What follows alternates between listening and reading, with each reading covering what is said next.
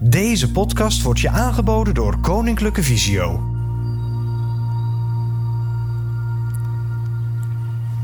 We zijn hier in Apeldoorn bij Visio eh, het Looerf. Het is echt een zonovergoten dag. Blauwe lucht, beetje eh, wit wolkendek wat er aankomt of net is weg geweest. Bomen zijn nog kaal. Ik zie wel in de verte een boom helemaal in de bloesem staan. Begin van bloesem. Peet, wat valt jou nog meer op? Nou, de, de verschillende soorten gebouwen hè, waar wij omringd mee worden. En dan eh, in het midden van al die gebouwtjes is dan de parkeerplaats.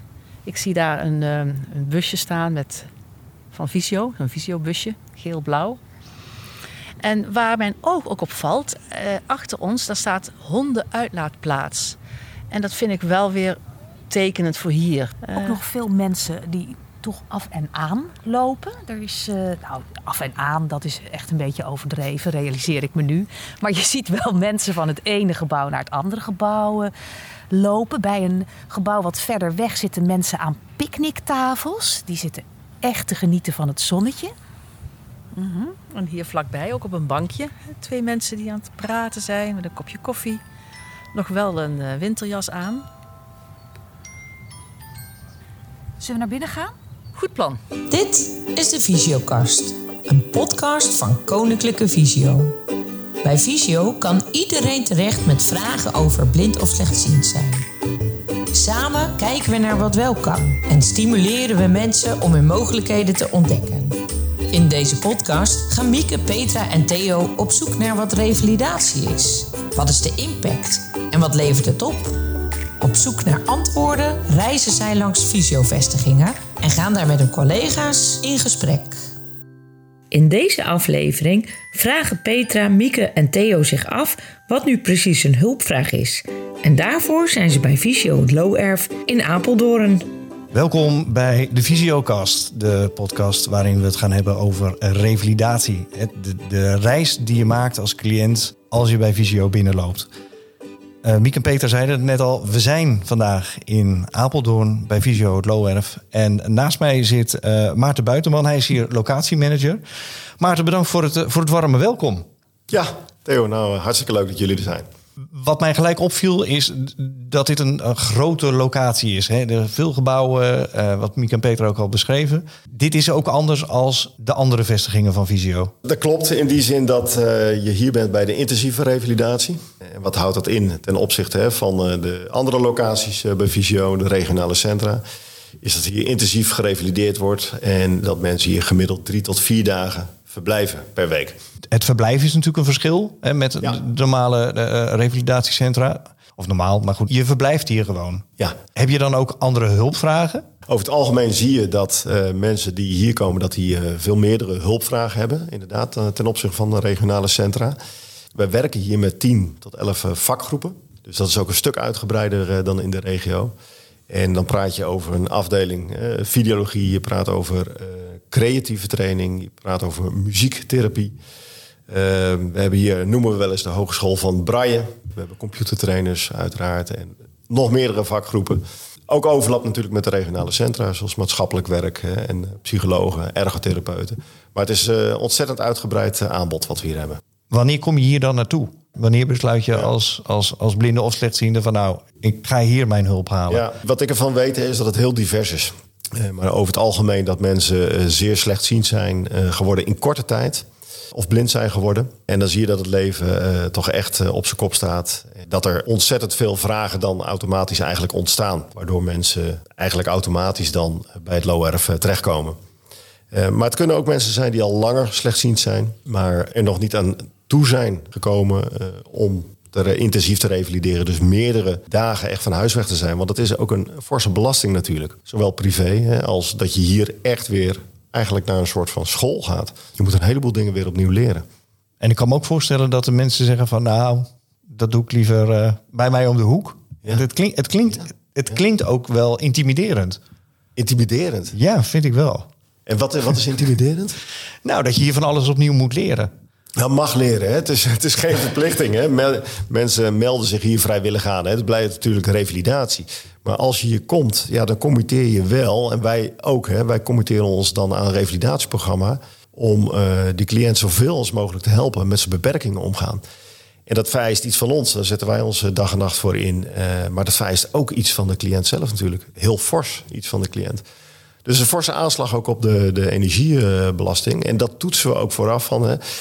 past dit hè, bij u om hier eh, te komen revalideren? Want dat is inderdaad eh, best aanpoten. Ja, nou, nou hebben we de vorige podcast ook onder andere gehad over de, de, de rekensom die je maakt. Hè? Dus wat de debit-credit kant. Wat, wat, wat levert dit dan op als je hier vandaan komt? Ja, en ook een hele goede vraag aan de cliënt straks zelf. Hè. Wat ik erover kan zeggen, wat ik zie... is dat eh, eh, nou, mensen over het algemeen hè, natuurlijk te maken krijgen met rouw en verliesverwerking. En dat het een periode is dat ze echt geconfronteerd worden. Zeker als ze hier op het Loerf eh, ook zijn. Met, tussen aanhalingstekens zeg ik dan, lotgenoten. Wat het ook weer heel fijn maakt, horen we ook vaak terug. Ehm, als je dan kijkt na die periode van rouwverlies, hè, als mensen daar doorheen komen en weer perspectief kunnen zien.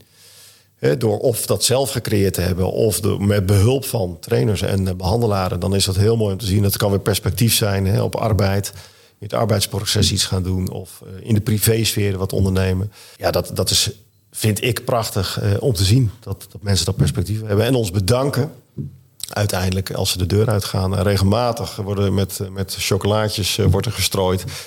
Worden afgegeven als dank voor eh, de inzet van de behandelaar. hoor. Want eh, wij zijn faciliterend. En dan bedoel ik mijn collega Jelte de Kiewit en ik. Maar onze behandelaren doen toch echt het werk. Als je nou één uniek ding van Visio het mag noemen, wat is dat dan? Ja, maar dit is toch wel een hele moeilijke vraag, eh, Theo. Eén uniek ding. Ik denk dat ik je er vier ga geven. Is dat ook goed? Nou, je mag knippen hoor. Nee, ik moet wel direct dan denken aan eh, dat we hier een hele uitgebreide diagnostiek hebben. Als iemand eh, bij ons komt. En om als voorbeeld te geven is dat we daar niet alleen naar de fysius kijken, maar ook een audioscreening doen bij mensen. Omdat het gehoor natuurlijk een, eh, vaak een goede compenserende zintuig is. Wat me ook te binnen schiet is dat wij hier met creatieve training aan de slag gaan. Basisstrategieën heel belangrijk vinden. Daarnaast, als ik die nog niet genoemd had, vind ik muziektherapie wel een hele sprekende voor, voor het low waar mensen echt veel baat bij hebben. En dan denk ik ook nog, maar dat is het laatste hoor. Dan denk ik aan dat wij anderstalige, blinde en slechtziende inburgeraars via de gemeente eh, helpen bij het leren van de Nederlandse taal. Onderdeel van het inburgeringsproces is het leren van de Nederlandse taal. En je kunt je voorstellen dat op een reguliere taalschool het heel lastig is voor anderstalige, blinde en slechtziende inburgeraars in Nederland de taal te leren. Nou hebben we toch met de gemeentes een goede afspraak kunnen maken dat onze mensen van de vakgroep taal reguliere taalscholen gaan ondersteunen. En daar zijn we heel trots op. Wij gaan vandaag nadenken over hulpvragen. Bedankt in ieder geval dat je er nu even was. Eh, Ik hoop dat ik zo aan het eind nog even aan kan sluiten, want dan hebben we nog iets moois voor je. Ja, mooi, veel plezier vandaag. En terwijl eh, Maarten de kamer verlaat, schuiven Mieke en Petra aan. Ja, het was heerlijk buiten, hè Mieke? Het is gewoon jammer om weer naar binnen te gaan. Ja, nou, als het nog beter wordt, dan gaan we de podcast voortaan buiten maken. Ehm, hebben we nog reacties gekregen op de vorige podcast? Wij hebben reacties gekregen. Een cliënt die vroeg zich af: wat moet ik nou toch met die slogans op die tegeltjes? Wat heb ik daar nou als cliënt aan? En ja, dat is ook wel een, een terecht punt. Nou ja, als ik kijk naar die verschillende tegeltjeswijsheid, die is wel doorgegeven van manager naar manager. Maar wat mij betreft eigenlijk voor iedereen eh, van toepassing. Hè, Dus als, als je het hebt over warm welkom of over die drempels weghalen, dan denk ik, eh, ja, daar, daar kunnen we allemaal als mensen wat mee. Dus dat maakt eigenlijk niet uit of je nou wel een cliënt bent of geen cliënt. Nee, en aan de andere kant eh, zie ik ook wel een uitdaging voor eh, de managers bij Visio om de boodschap zo op te stellen dat het voor, voor alle mensen geldt. Hè, dus of je dan medewerker bent van Visio of cliënt, laat het een boodschap voor ons allemaal zijn. En, en dat, is, dat is de opzet van het doorgeven van, van, het, van het tegeltje, van, hè, van de wijsheid of van de, van de gedachte. Het is wel belangrijk dat vervolgens dan ook die wijsheid die op dat tegeltje staat, dat dat dan daadwerkelijk wordt nageleefd. Ja. Want anders heeft het überhaupt geen waarde. Nee, nou ja, vorige keer hadden we het tegeltje warm welkom. En ik vond welkom hier heel warm. Dus uh, hebben ze goed naar geluisterd. Absoluut. Vandaag gaan we het hebben over hulpvragen. Ja, ik was benieuwd hoe dat bij jullie zit. Wat is jouw laatste hulpvraag geweest, Petra? En mijn laatste hulpvraag is eh, zojuist geweest aan jou, Mieke. Ik had eh, een blanco vel voor me. En gelukkig eh, kon jij dat oplossen door mij eh, opnieuw de, het programma door te mailen. Zodat ik ook weet waar we het ook precies over gaan hebben en wie en waar eh, mensen vandaag binnenkomen stromen. Dus dankjewel, Mieke. Heel graag gedaan. Theo? Ehm, even denken hoor. Eh, De, de laatste hulpvraag. Ehm nou ja, we zitten nu kort na, na, de, na de gemeenteraadsverkiezingen. En ja, ik, ik, ik, ik, ik zag het niet helemaal zitten zeg maar, om zo'n stemhokje in te gaan en dan een balletje in te kleuren. Want omdat het allemaal gewoon niet zo heel goed zichtbaar is. Ondanks dat ze in mijn gemeente ook wel één plek hebben met zo'n eh, met zo'n mal. Ehm, dus ik heb mijn vrouw gevraagd of ze voor mij eh, mijn stem uit wilde brengen. En dat heeft ze gedaan. En jij, Mieke, vraag jij makkelijk hulp? Nou, ehm, ik moest er echt even flink over nadenken. Wat was nou het laatste moment dat ik om hulp eh, heb gevraagd? En ik, ik kon het me eigenlijk niet zo herinneren. Tot het moment dat ik dacht, ehm, een paar weken geleden, dat ik eh, wat een mindere week eh, had. Ik had een groep te begeleiden. En toen heb ik aan degene met wie ik dat doe, die groep, aangegeven van joh, eh, het loopt op dit moment niet zo lekker. Zou je als mijn achtervang willen fungeren? En dat wilde ze en dat heeft ze ook gedaan. En eigenlijk door aan te geven dat het op dat moment even niet zo lekker liep. En aan te geven van zou jij dat dan voor mij willen zijn?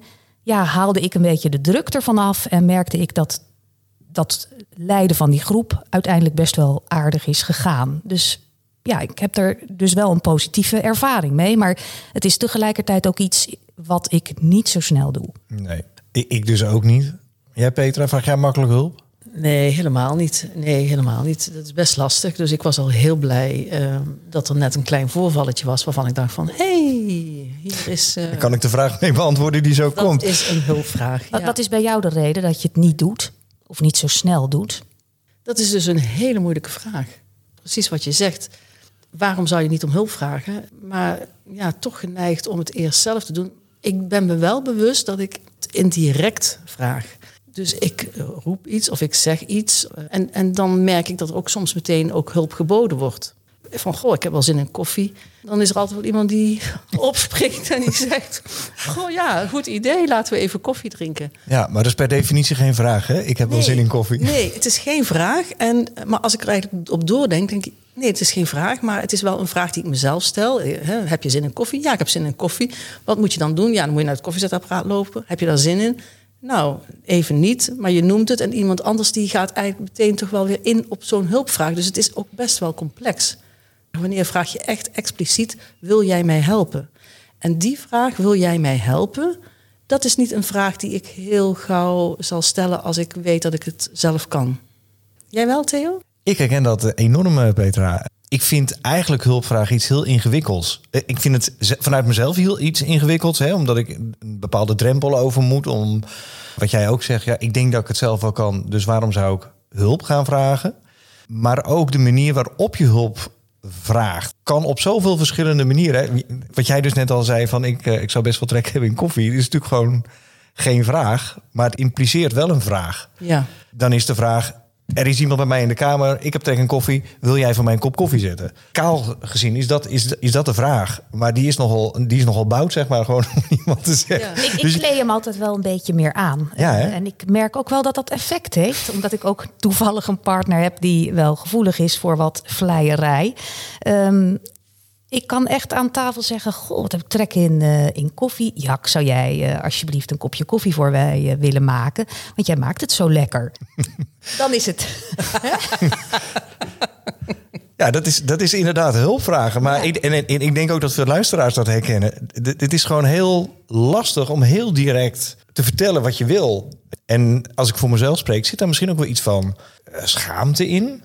Hè, dat ik aan toegeef dat ik iets niet kan, of zwakte, of Angst voor afwijzing. Dat sowieso, want dan hoop ik eigenlijk als ik iets vraag dat mensen dan ja zeggen, hè, als dat het gewenste antwoord is. Trots. Absoluut, absoluut. En er zijn natuurlijk dingen die ik niet kan. Hè. Iedereen heeft dingen die die niet kan. En op de een of andere manier is dat dan makkelijker. Ik zit zelf bij mijzelf te denken aan eh, toch ook behoefte aan de controle. Ook al kost het me veel inspanning, dat ik toch denk, ik doe het zelf, want dan gaat het in ieder geval op mijn manier. daar schuilt ook weer een gevaar in. Want dan geef je een ander ook niet altijd de kans iets voor jou te doen. Ja, je ontneemt de ander ook de ruimte om iets voor jou te doen. En je ontneemt ook de ander een, een goed gevoel uh, wanneer die iets heeft uh, kunnen doen voor jou. Want dan krijgt hij meestal ook alweer een complimentje voor. Van uh, nou, dankjewel, wat fijn dat je me hebt willen helpen. En samen iets doen is eigenlijk ook wel weer leuker als alles in je eentje moet oplossen. Dat is waar. En je kunt ook door, denk ik, aan te geven dat je iets toch lastig vindt of iets te veel voor je is, toon je daarmee eigenlijk ook je kwetsbaarheid. En daardoor kan er ook wel weer een vorm van verbinding ontstaan tussen jou en de ander. waarom dan toch zo moeilijk? Hè? Daar, daar hebben we het al over gehad. En we waren geloof ik van plan om die vraag eens voor te leggen. Ja, aan onze gedragswetenschapper Lotte. Zullen we Lotte eens bellen dan? Laten we doen. Met Lotte. Hi Lotte, je spreekt met uh, Theo, Mieke en Petra van de Visiocast. We hebben een vraag aan je. Hoi Lotte. Ja, ook vertel. Hallo. Hoi. Hallo, vertel. Waarom is het zo moeilijk voor mensen om hulp te vragen? Zou je er iets over kunnen zeggen? Vanuit jouw achtergrond als uh, psycholoog. Nou, ik denk dat dat sowieso uh, per persoon natuurlijk heel anders ligt. Het is niet generaliseerbaar, maar ik denk dat het met name heel erg afhankelijk ook is van, nou, één, kan je bijvoorbeeld denken aan, aan je persoonlijkheid, aan ervaringen die je hebt meegemaakt met bijvoorbeeld eerdere hulpverlening of familieleden die hulp hebben gezocht. Maar je kan ook bijvoorbeeld denken aan de opvoeding, waar je bijvoorbeeld heel erg mee kan krijgen van, nou, ik moet alles alleen kunnen. Of als ik het niet zelf kan, dan is dat een teken van zwakte. Nou, dat, dat zijn eigenlijk al best wel wat factoren die ervoor kunnen zorgen dat mensen ja, toch moeite hebben om om die hulp te zoeken. Uh, dan heb je ook natuurlijk het verschil tussen man en vrouw. Bij mannen wordt over het algemeen natuurlijk wat meer gezien van nou, die moeten sterk zijn, die kunnen dat wel zelf. Je ziet ook wat, wat vaker dat mannen daar nog wat meer moeite mee hebben. En weer eigenlijk vanuit een heel ander perspectief. Op het moment dat je natuurlijk hulp vraagt, dan krijg je een hulpverlener. Als je eh, de interactie tussen een hulpverlener en een hulpvrager ziet, dan zit eigenlijk een hulpverlener in een soort van bovenpositie. Dus eigenlijk neemt hij een hele leidende positie aan. Die vertelt wat er gaat gebeuren. Wat er eigenlijk voor de hulpvrager eigenlijk voor zorgt dat je in een hele afhankelijke positie komt. Eigenlijk een beetje onder het mom van nou help me. Eigenlijk moet je heel veel uit handen geven. En als daar dan ook nog eens opvattingen bij komen kijken van ja, als ik het uit handen geef, dan gaat het mis. Of ik wil niet afhankelijk zijn. Dan bemoeilijkt dat het natuurlijk ook nog. Het is best wel een grote drempel dan. Nou, eens. Ik denk, ik denk zeker wat, dat het best oké is om hulp, hulp te vragen ook. Lotte, zou het ook nog uitmaken of je hulp vraagt aan een professional of aan gewoon iemand uit je eigen omgeving? Ja, dat, dat denk ik zeker wel. Alhoewel ik niet denk dat dat een soort van eenduidig antwoord is. Ik denk dat dat ook heel erg afhangt van de omgeving. Uh, wat voor mensen heb jij om je heen? Op het moment dat jij in een omgeving zit waarin eigenlijk hulpvragen taboe is, zal denk ik het hulpvragen aan een professional weer wat fijner zijn, wat anoniemer. Maar je zal ook zien, als er een heel groot steunsysteem is, waarin je heel erg de boodschap meekrijgt van praten over emoties, praten over dingen waar je tegenaan loopt, of überhaupt uh, beperkingen, dat die, dat die drempel alweer wat lager ligt. Hey Lotte, hoe goed ben jij in uh, hulpvragen? Hoe ik daarin ben, ja. Nou ja, het mooie antwoord zou natuurlijk zijn uh, als psycholoog dat dat oké is en dat, dat, uh, dat ik dat uh, zonder moeite doe. Maar ook ik ben een mens. En nou, ik, ik vind dat ook altijd best lastig. Het is een drempel. Gelukkig, we hebben deze vraag net ook aan onszelf gesteld. Dus we wilden even zo'n onderzoekje houden hoe dat ja. met andere mensen is die wij bellen. Hey, dankjewel ja. voor dit mooie antwoord. En mochten we nog een keer wat hebben, mogen we je bellen? Zeker. En nou, ik wil jullie heel veel succes wensen ik denk dat het een heel mooi onderwerp is en heel, heel belangrijk om over te blijven praten met elkaar. Dankjewel, Lotte. Doeg. Ik zat te denken, wij wonen in het Westen, wat een hele individualistische samenleving is, waar eigen verantwoordelijkheid hoog in het vaandel staat. Dat zorgt er natuurlijk ook voor hè, dat, dat we de dingen zoveel mogelijk alleen willen of zelfs moeten uh, doen er zijn ook veel meer wij-culturen. We komen ook in de spreekkamer cliënten tegen met een migrantenachtergrond, die veel meer uit zo'n wij-cultuur uh, komen en die heel vaak in die omgeving ook uh, de hulpvraag uitzetten en inderdaad misschien daardoor ook minder snel onze kant opkomen.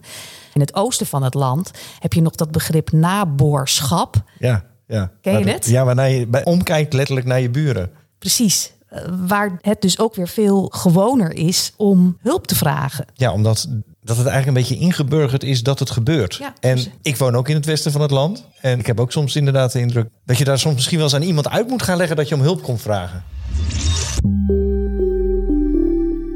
Uiteraard hebben we ook de vraag om hulp te vragen. Of hoe makkelijk het is, of hoe moeilijk dat is. Nou, en wat was je eerste hulpvraag? Hebben we voorgelegd aan onze ervaringsdeskundigen.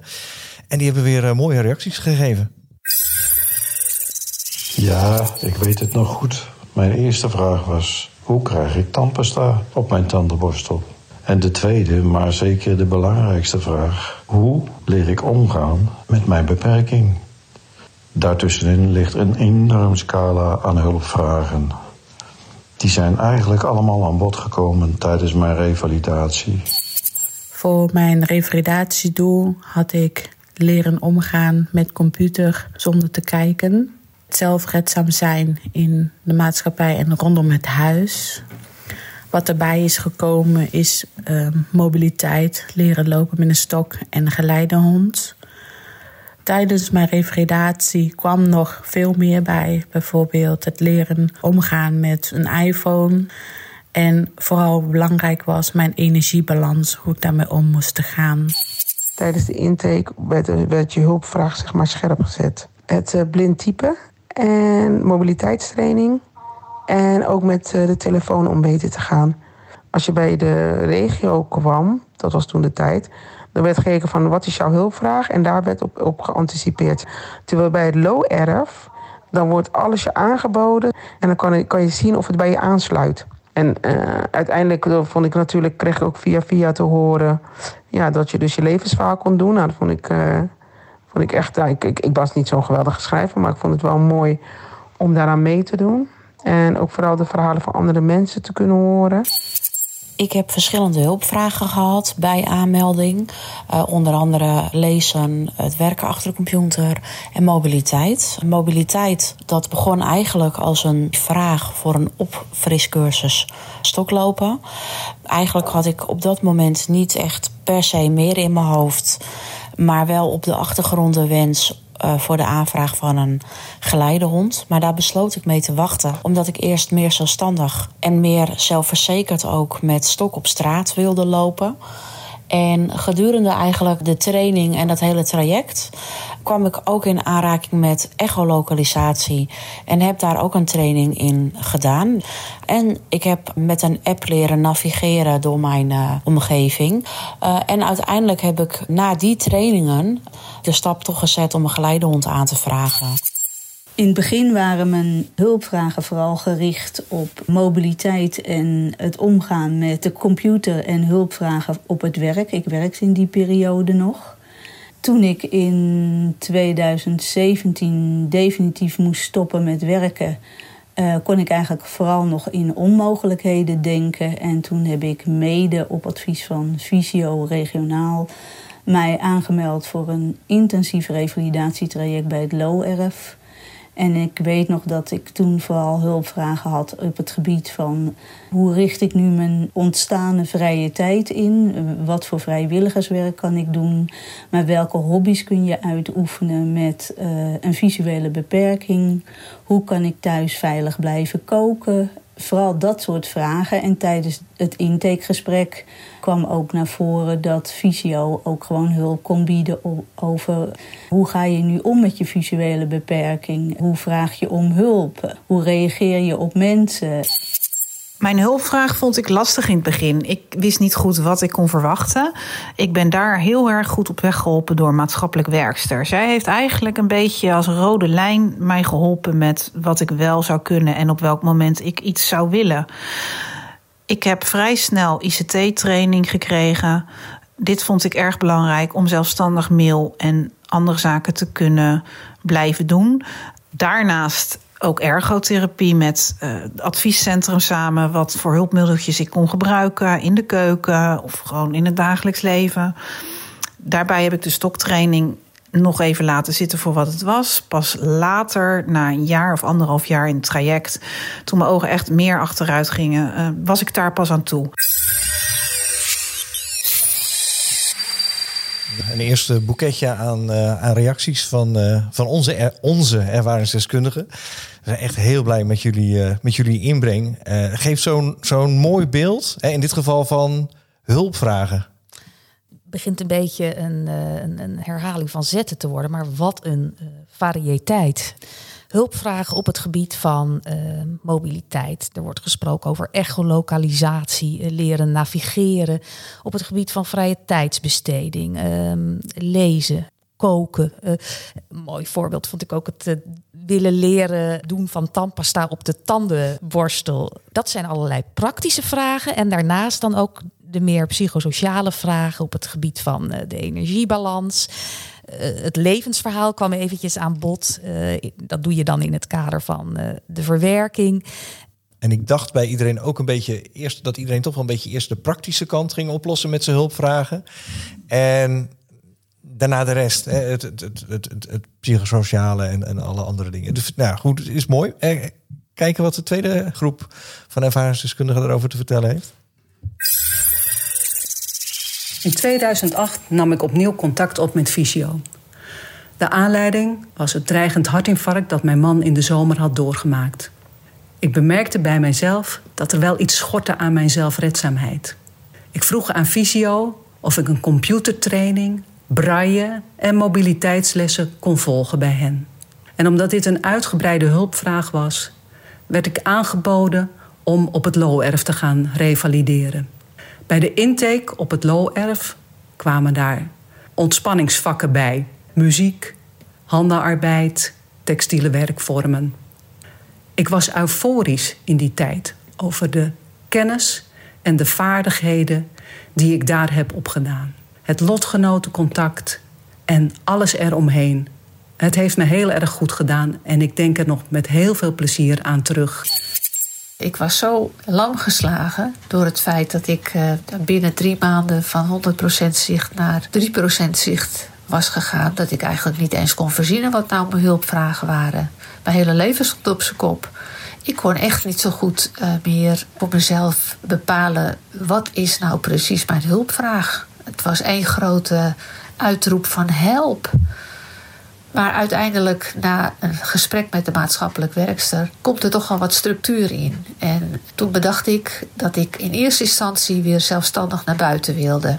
Naar buiten en zelfstandig met het openbaar vervoer kunnen reizen. Want ik wilde zelfstandig bij de vestiging in Herugewaard kunnen komen.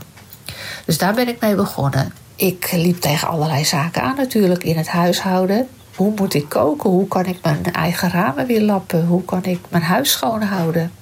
Er was overal een remedie voor.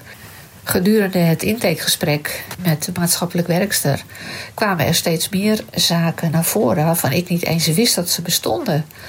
Oh, kun je een begeleiderskaart krijgen bij de NS? Dat wist ik helemaal niet. Oh, wat fijn. Oh, kan ik een taxikaart krijgen voor de valiestaxi? Oh, maar hoe moet ik dat dan aanvragen? Daar werd allemaal hulp bij geboden. Dat vond ik zo fijn. Leren in mogelijkheden te denken, dat is wel iets wat ik geleerd heb bij Visio. Dat niet blijven hangen in wat kun je niet meer, maar wat kun je nog wel. En waar heb je ook heel veel plezier in. Voordat ik aan mijn revalidatietraject begon, had ik helemaal geen hulpmiddelen. Terwijl dit hard nodig was, want ik struikelde vaak, liep tegen dingen aan en verstapte mij ook regelmatig. Mijn grootste hulpvraag was het mobiliteitsvraagstuk. Hoe kom ik buitenshuis zo veilig mogelijk van A naar B, alleen en met mijn drie kinderen? Andere hulpvragen had ik ook. Dat ging meer over audio-ondertiteling en met betrekking tot koken. Hoe kan ik zien, tussen aanhalingstekens, dat het gaar is? Gelukkig heb ik alle hulpvragen die ik had kunnen stellen waardoor ik weer de zelfstandige vrouw ben die ik was. Ik leef met mijn beperking, met mijn hulpmiddelen en geniet elke dag van het leven.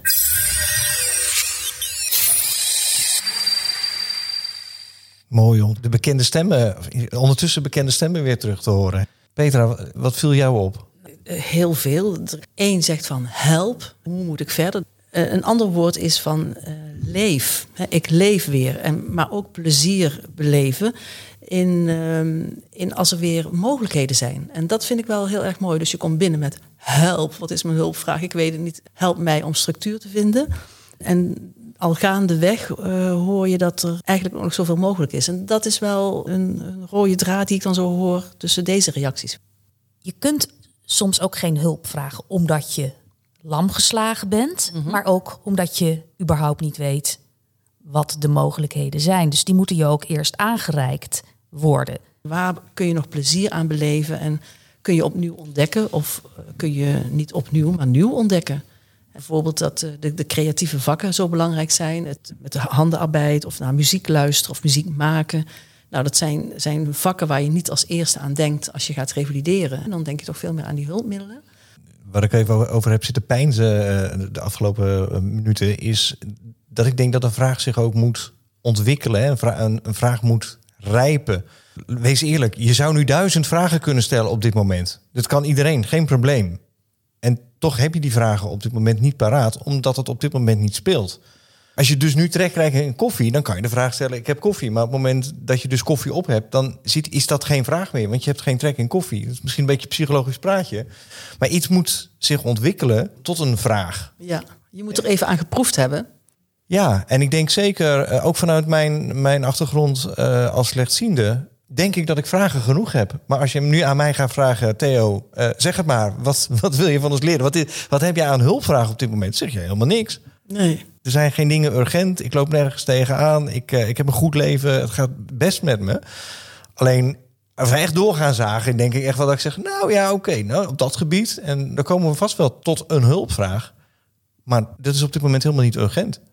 Wat ik net al zei, ik hoor heel veel mensen die eerst heel praktisch de zaak insteken. En dat vind ik heel logisch, want dat speelt denk ik als eerste. En daarna ontwikkelen zich dan ook de wat minder praktische vragen. Maar soms ook vanuit het praktische. Hè? Iemand krijgt uh, als mogelijkheid aangereikt het stoklopen. Maar merkt dat hij dat eigenlijk ontzettend lastig vindt om stok te gaan lopen. Omdat hij uh, zichzelf daarmee kenbaar maakt. Met zijn visuele beperking daar een gevoel van schaamte bij ervaart. Ja. En blijkt dat toch meer een probleem voor iemand te zijn dan die misschien dat bij aanvang dacht. En ook dat herken ik ook. Eh, ook dat moet, moet, moet rijpen. Ik vind rijpen nog steeds een heel mooi woord. Dat heeft mij deze podcast op dit moment al opgeleverd.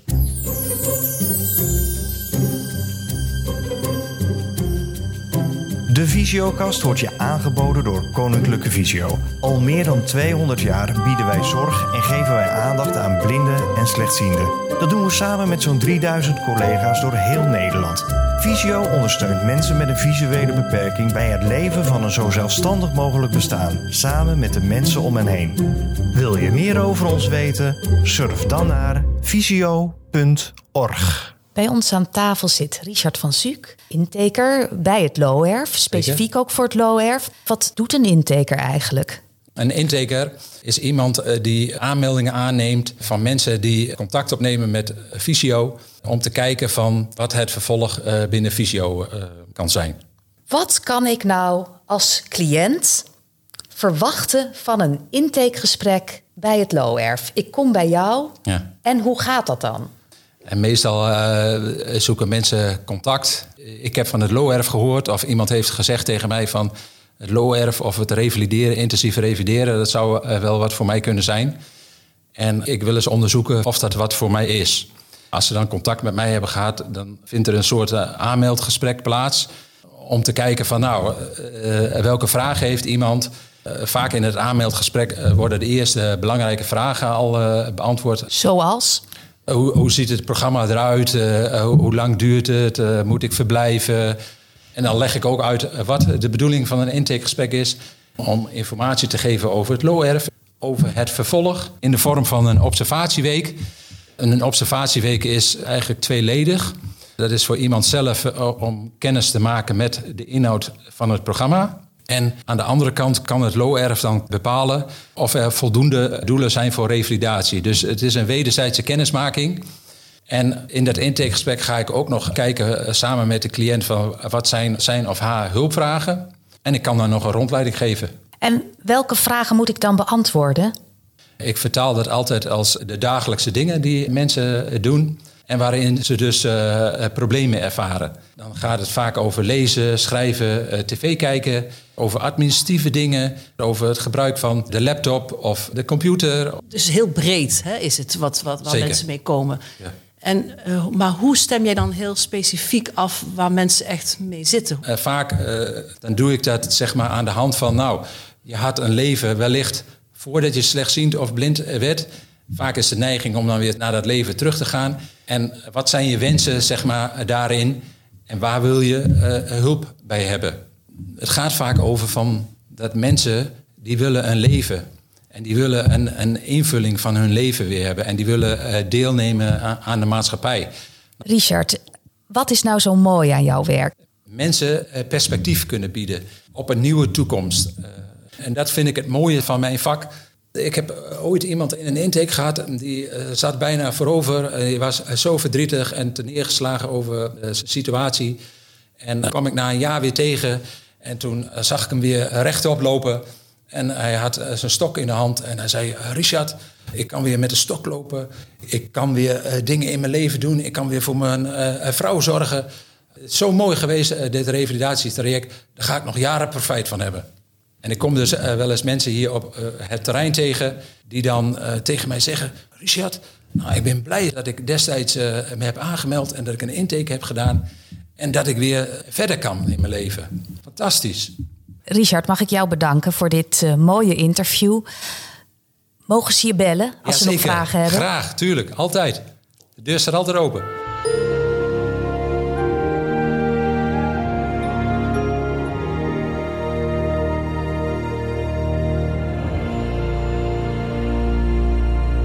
Elke visiokast naar wat wel kan. Waarin vind je als blinde of slechtziende de inspiratie om je leven leuk te maken en zin te geven?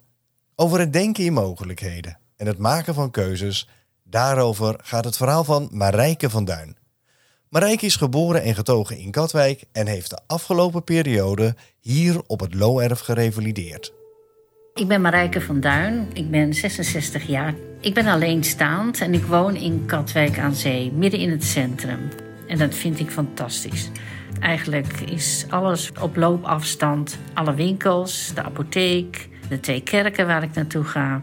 Wat nog fijner is, dat is dat het strand en de duinen vlakbij zijn. Daar wandel ik heel graag. Ik vind het daar heerlijk. Geen obstakels, geen paaltjes. Gewoon lekker de wind door je haren. Mijn visuele beperking is retinitis pigmentosa. Dat heb ik al vanaf jongst af. Ik weet dat de allereerste keer dat de schoolarts op de kleuterschool kwam, ik al naar de oogarts verwezen ben. Dus ik heb het eigenlijk al jaren, maar ik heb altijd gewoon doorgeleefd. Ik moest elke keer weer naar die oogarts. En dan zei mijn moeder altijd: Ja, je hebt net geen bril nodig. Nou, het blijkt dus dat ik nu nog steeds geen bril heb. Want dat helpt namelijk niet als je een netvliesaandoening hebt. Ja, wat is het vervelendste ervan? Ja, dat is dat je niet altijd alles kan wat je wil. Ik heb heel vaak dat ik te lang doorga met lezen en uh, bijvoorbeeld typen. Dat ik doorga totdat ik uh, misselijk word en migraine krijg. Als je met een oogaandoening geboren bent, dan weet je niet wat een ander ziet. Je denkt dat iedereen net zoveel ziet als jij. Ik kan bijvoorbeeld niet in het donker zien, maar ik dacht dat niemand in het donker kon zien. Ik zie alleen de lampen, dus dacht ik dat iedereen dat zo zag. Ik ben er pas achter gekomen dat ik retinitis pigmentosa had toen ik een jaar of uh, 17, 18 was. En ik voor de allereerste keer tennisles had. Nou, bij de tweede les ging het al mis. Ik dacht echt dat hij op mijn rekkers zou komen, maar de bal kwam midden op mijn oog terecht. En de huisarts zei toen: Oh nee, wat heb je nou gedaan? Natuurlijk kan je geen balspel. En hij haalde dus een dossier tevoorschijn waarin bleek welke afwijking ik had. Dan uh, moet je goed na gaan denken: wat ga ik uh, leren? Waar ga ik voor leren? Wat wil ik in de toekomst doen? Nou, ik dacht het gevonden te hebben in onderwijzeres. Want uh, dan begin je om half negen en je eindigt om half vijf. En dat is allebei een tijdstip waarin het nog licht is. En je makkelijk naar huis kan lopen als je niet te ver bij de school vandaan woont. En ik heb het met ongelooflijk veel plezier gedaan. Totdat ik in een kelder gevallen ben. Ik dacht dat het een zwarte mat was. En dat was het dus niet. Toen kwam visio op de proppen. Want uh, ze hadden natuurlijk ontdekt dat ik slechtziend was geworden. En wel zo erg dat ik mijn auto in moest leveren, mijn baan kwijtraakte. Dan zit je daar thuis en dan denk je, ja, ik wil toch wel nuttig zijn voor de samenleving. Dus ik ben met mijn gitaartje naar een geriatrische inrichting uh, gelopen. Daar verzorg ik nog steeds uh, het zanguurtje. En dat is echt geweldig. Dan zijn die mensen even een uurtje niet dement. Het is ongelooflijk. En ik ben me in gaan zetten voor het platform gehandicaptenbeleid in mijn dorp. Ik moet vaak uh, door Katwijk heen lopen en dan vertellen waar de knelpunten zitten. Waar bijvoorbeeld te veel paaltjes staan en waar losse tegels zijn en waar de putten te verdiept zijn. We hebben ervoor gezorgd dat bij elke kruising uh, een verhoging is, zodat iedereen uh, gewoon met scootmobiel of met de kinderwagen of met de rollator rustig van de ene kant naar de andere kant kan lopen zonder dat hij een stoep op en een stoep af moet. Nou, zo zijn er allerlei dingen in ons dorp die aangepast zijn voor mensen die slechter been of slechtziend zijn. En dat vind ik erg fijn werk. En momenteel ben ik heel erg druk bezig met het scholenproject. We gaan naar 25 scholen in Katwijk, Rijnsburg, Valkenburg. En daar gaan we naar groep 8 en geven een groepsles. Dat is erg leuk. En zo uh, zorgen we er eigenlijk voor dat in onze gemeente kinderen vanaf uh, eh, 11 tot 18 jaar ook weten wat het is om mensen tegen te komen met een handicap. En dat dat ook gewoon normale mensen zijn die alleen moeten dealen met hun beperking. En zo proberen we te verwezenlijken dat we een inclusieve samenleving krijgen waarin iedereen meetelt.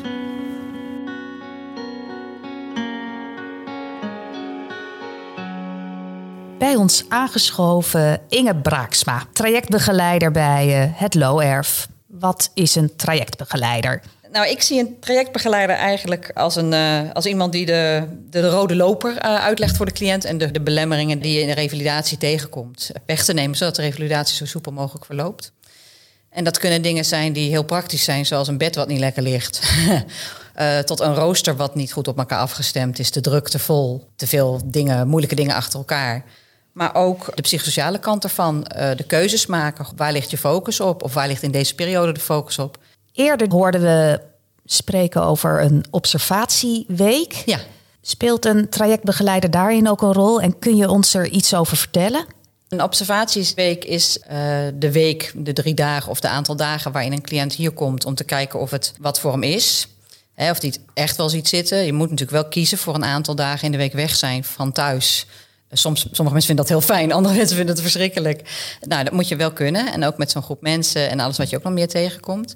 En kennis te maken met alle trainingen die je zou kunnen krijgen.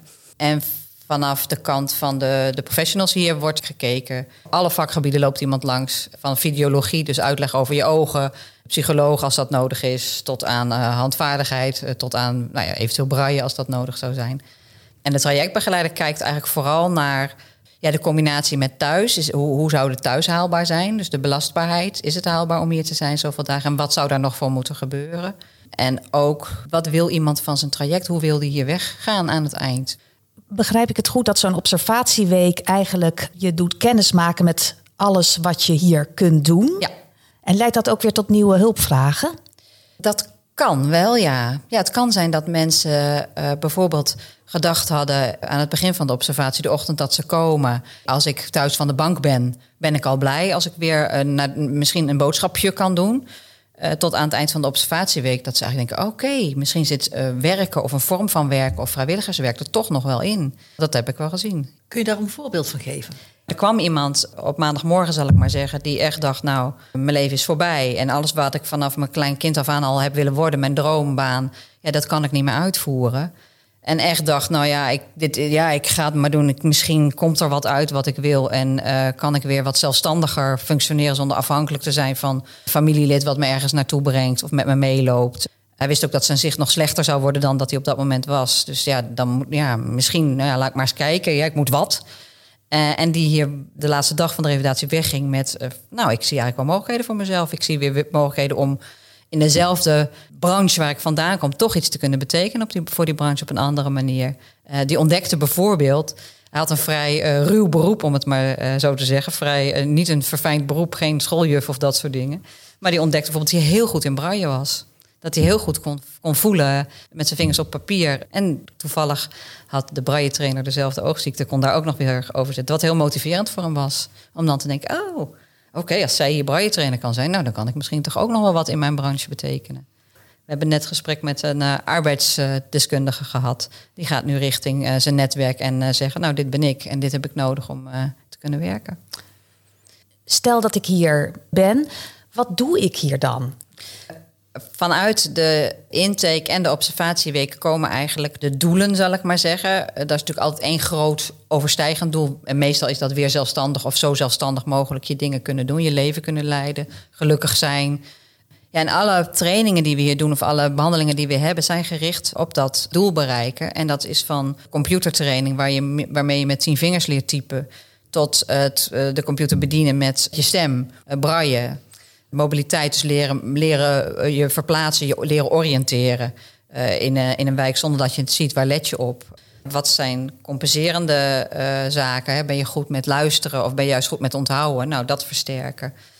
Ook het zoeken naar inspanning en ontspanning, je evenwicht, je energiebalans. Waar je bijvoorbeeld bij handvaardigheid, bij muziek les in krijgt eigenlijk van hoe kan je dingen zonder je ogen te gebruiken leren doen ook bij ergotherapie dan weer keuzes maken. Ga ik afwassen zonder te kijken, maar ruim ik de kopjes op uh, terwijl ik wel kijk?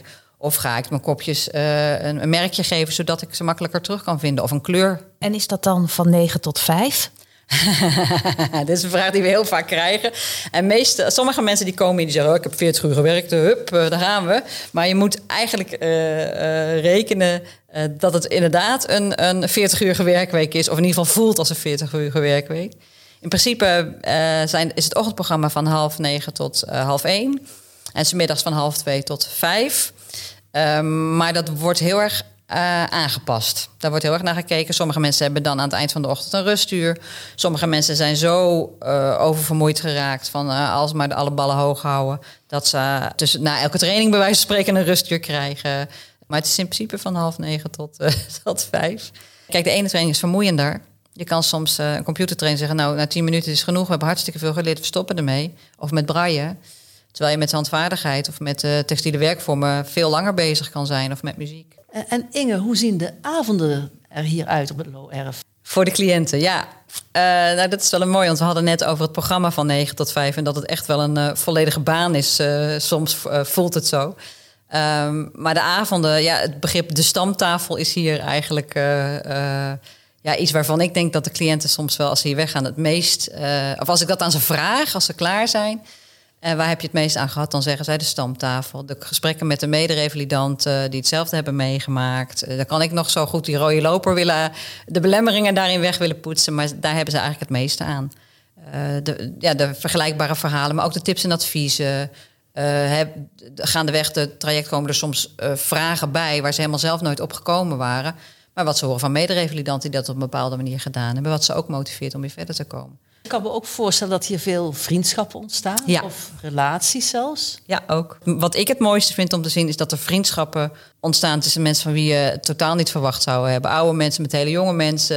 Ze hebben allemaal diezelfde ding om te delen. En ik weet dat een cliënt van mij die zei tegen mij ooit: Ja, weet je, je wordt hier niet beoordeeld op je uiterlijk, maar op je, op je innerlijk, op je uh, wat je daarin te bieden hebt. En uh, de rest is niet belangrijk. En dat, uh, dat vond zij zo fijn, want ze had altijd het gevoel dat ze heel erg beoordeeld werd op wat ze niet kon. En hier kunnen ze lachen met elkaar aan de stamtafel over wat er niet kan. Of elkaar perspectief bieden wat er wel kan. Inge, mag ik jou hartelijk bedanken voor ja. jouw informatieve inbreng. Ja, graag gedaan. Erg leuk.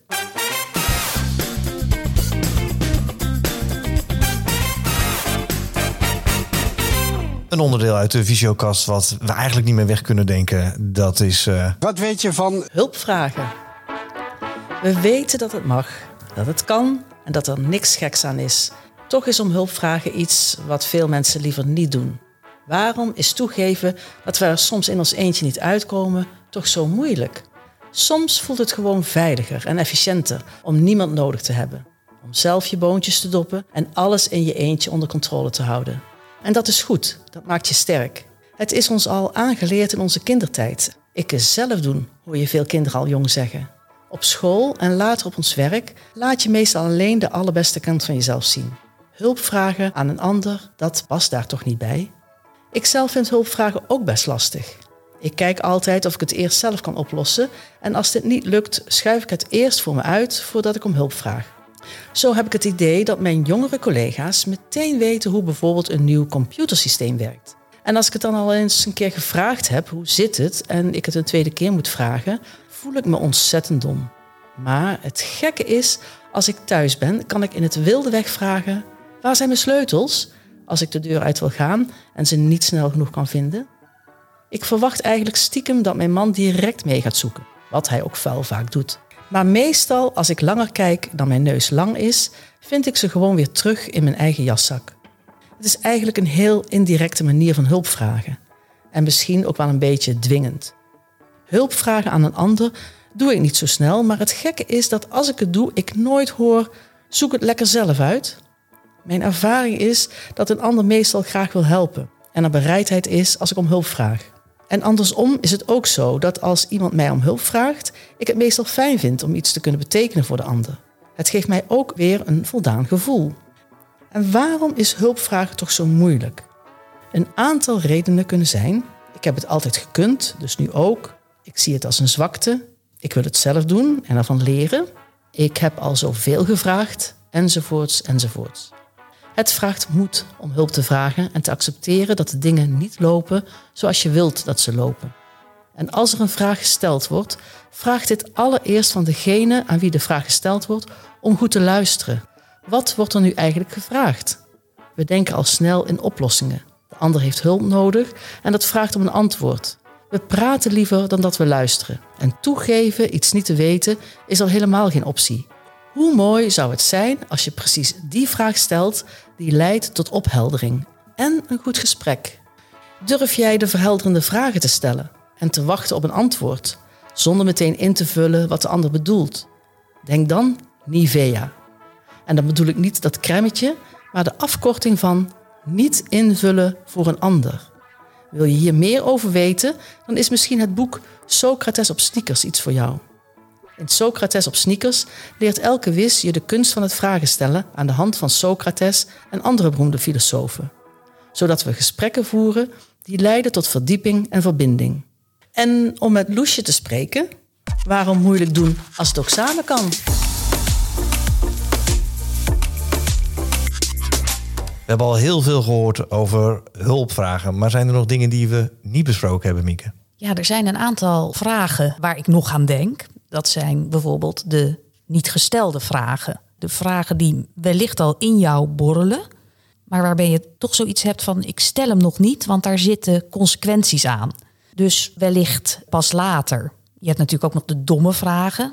Ja, die bestaan toch niet? Die bestaan niet. Dus je kunt altijd vragen. Jij zat ook nog met iets, hè, Petra? Omdat je zo terug hoort dat soms mensen komen met chaos in hun hoofd. Want er is net iets gebeurd. Ze zijn plotseling eh, blind of slechtziend geworden. En weten niet welke hulpvraag ze hebben, omdat hun hele leven op zijn kop staat. Dan ga je in gesprek met, met mensen om, om structuur te krijgen en om duidelijkheid te krijgen. Wat is dan de hulpvraag? Stel dat je daarin doorslaat als hulpverlener of als behandelaar. En dat je eigenlijk iets aan gaat geven uh, wat mogelijk een hulpvraag is, maar wat mogelijk ook aanpraten is van een probleem. Waar mensen misschien nog helemaal niet mee bezig zijn, niet aan toe zijn. Dat is ook een valkuil van dat je ook goed moet blijven luisteren. Van waar zit iemand? En daar pas op de plaats maken en niet doorgaan omdat je denkt van ja, maar er zijn nog zoveel dingen mogelijk. Dus weten wanneer je moet stoppen met doorvragen. Ik denk dat we samenvattend wel kunnen stellen dat uh, hulpvragen heel veel kan opleveren. En het is eigenlijk ook iets om even buiten je comfortzone te treden. En dat is ook vaak iets wat je kan helpen om verder te komen. Een boekje wat ik heel vaak aanraad aan uh, cliënten, dat is een boekje van Mitch Album. En dat heet Mijn Dinsdagen met Maury. Ja, daar, daar wordt ook op een andere manier gekeken naar afhankelijkheid. Het gaat over een professor met ALS die bedlegerig is en echt helemaal niets meer kan. Elke dinsdag komt er een student langs die ook aan hem vraagt van wat is het leven voor jou nu nog waard nu jij helemaal niets meer kan. En dan geeft hij aan, ja, maar wat ik kan is toch nog steeds aan jou vragen stellen en ik kan luisteren naar jou en door de gesprekken kun je ook weer tot nieuwe inzichten komen. Dus hij keek op een hele andere manier naar die afhankelijkheid dan wij volgens mij in onze samenleving uh, naar dat begrip kijken. En dat zeg ik ook wel vaak tegen cliënten. We zijn allemaal afhankelijk van elkaar. Gelukkig maar. Stel je voor dat we allemaal onafhankelijk van elkaar uh, zouden zijn, dan zouden we hier niet zitten. Nou, dat geldt eigenlijk ook voor ons uh, drieën. We hebben ons allemaal onze rol. En met z'n drieën kom je tot iets beters dan als je het allemaal in je eentje gaat doen. Nog een laatste quote. Om hulp vragen betekent niet dat je opgeeft. Het betekent dat je weigert op te geven. Dat is een uh, stimulerende uitspraak, Mieke. Laten we eens kijken of het tegeltje dat we in Haren meekregen ook zo inspirerend is. Maarten, fijn uh, dat je weer hebt kunnen aanschuiven. Ja, geen enkel probleem, Preta. Wij zijn uh, in Haren geweest en daar heeft ja. Marjan Albers, locatiemanager van Haren, die heeft ons een, een tegeltjeswijsheid opgeschreven. Ja. En die wil ik je graag overhandigen. Ze heeft ons ook een spraakbericht toegestuurd en daar gaan we eerst even naar luisteren. Hallo Maarten, een berichtje van Marjan Alberts uit Haren. Ik wens dat wij uh, gezamenlijk voor kinderen en volwassenen mooie dingen kunnen doen om te zorgen dat zij een volwaardige bijdrage kunnen leveren aan onze samenleving. Want alleen samen kunnen we een samenleving vormen en daar mogen we niemand bij uitsluiten. Maarten, wil jij voorlezen wat, uh, wat er op het tegeltje staat? Ja, natuurlijk, leuk. Even kijken. Drempels zitten in systemen, niet in mensen. En nu snap jij natuurlijk al, uh, Maarten, dat ja. er ook voor jou nu een tegeltje, een blanco tegeltje is, waar jij ook een spreuk op mag zetten, zodat we die weer de volgende keer mee kunnen nemen naar uh, Leeuwarden. Hartstikke goed. Ga ik over nadenken. Maarten, bedankt voor de gastvrijheid. Heel graag gedaan. En veel succes met het mooie werk wat jullie hier doen. Gaan we zeker doen. Dank jullie wel. En daarmee eindigt aflevering 3 van de Visiocast over revalidatie. We waren vandaag te gast bij Visio Loerf in Apeldoorn. En wil je reageren op iets wat gezegd is of wil je iets aanvullen? Dan kun je ons gewoon mailen. We zijn te bereiken op visiocast.visio.org. Wil je meer weten over Koninklijke Visio? Scroll dan even door naar de omschrijving. Daar vind je ook linkjes naar informatie over de onderwerpen die we besproken hebben. Onze dank gaat uit naar de ervaringsdeskundige Hans, Jirada, Kathleen, Meta, Nathalie, Rachel, Ria, Severin, Wim en Yvonne. Verder bedanken we Maarten Buitenman, Petra Groothuis, Richard van Zuuk, Renate van Uffelen, Inge Braaksma, Marijke van Duin en de collega's achter de schermen voor hun medewerking. Mieke, Petra en ik vervolgen onze reis in het noorden van Nederland. Volgende maand zijn we te gast bij Visio in Leeuwarden. En daar gaan we met collega's, ervaringsdeskundigen en cliënten praten over de mogelijkheden die een revalidatie biedt. Tot dan. Dit was de Visiokast. We zijn benieuwd naar je reactie en kijken uit naar je mailtje. Ons mailadres is visiocast.visio.org waarbij je visio met een V van Victor en cast met de C van Claudia schrijft. Meer informatie over Visio vind je op visio.org of bel met 088 585 8585. Daar beantwoorden onze collega's je vragen of bespreek je met elkaar welke mogelijkheden er voor je zijn.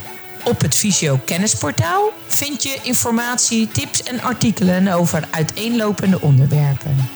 Bezoek ons dag en nacht via kennisportaal.visio.org of bel tijdens kantooruren met de Kennisportaal Helpdesk op 088 585 5666 of mail naar kennisportaal.visio.org.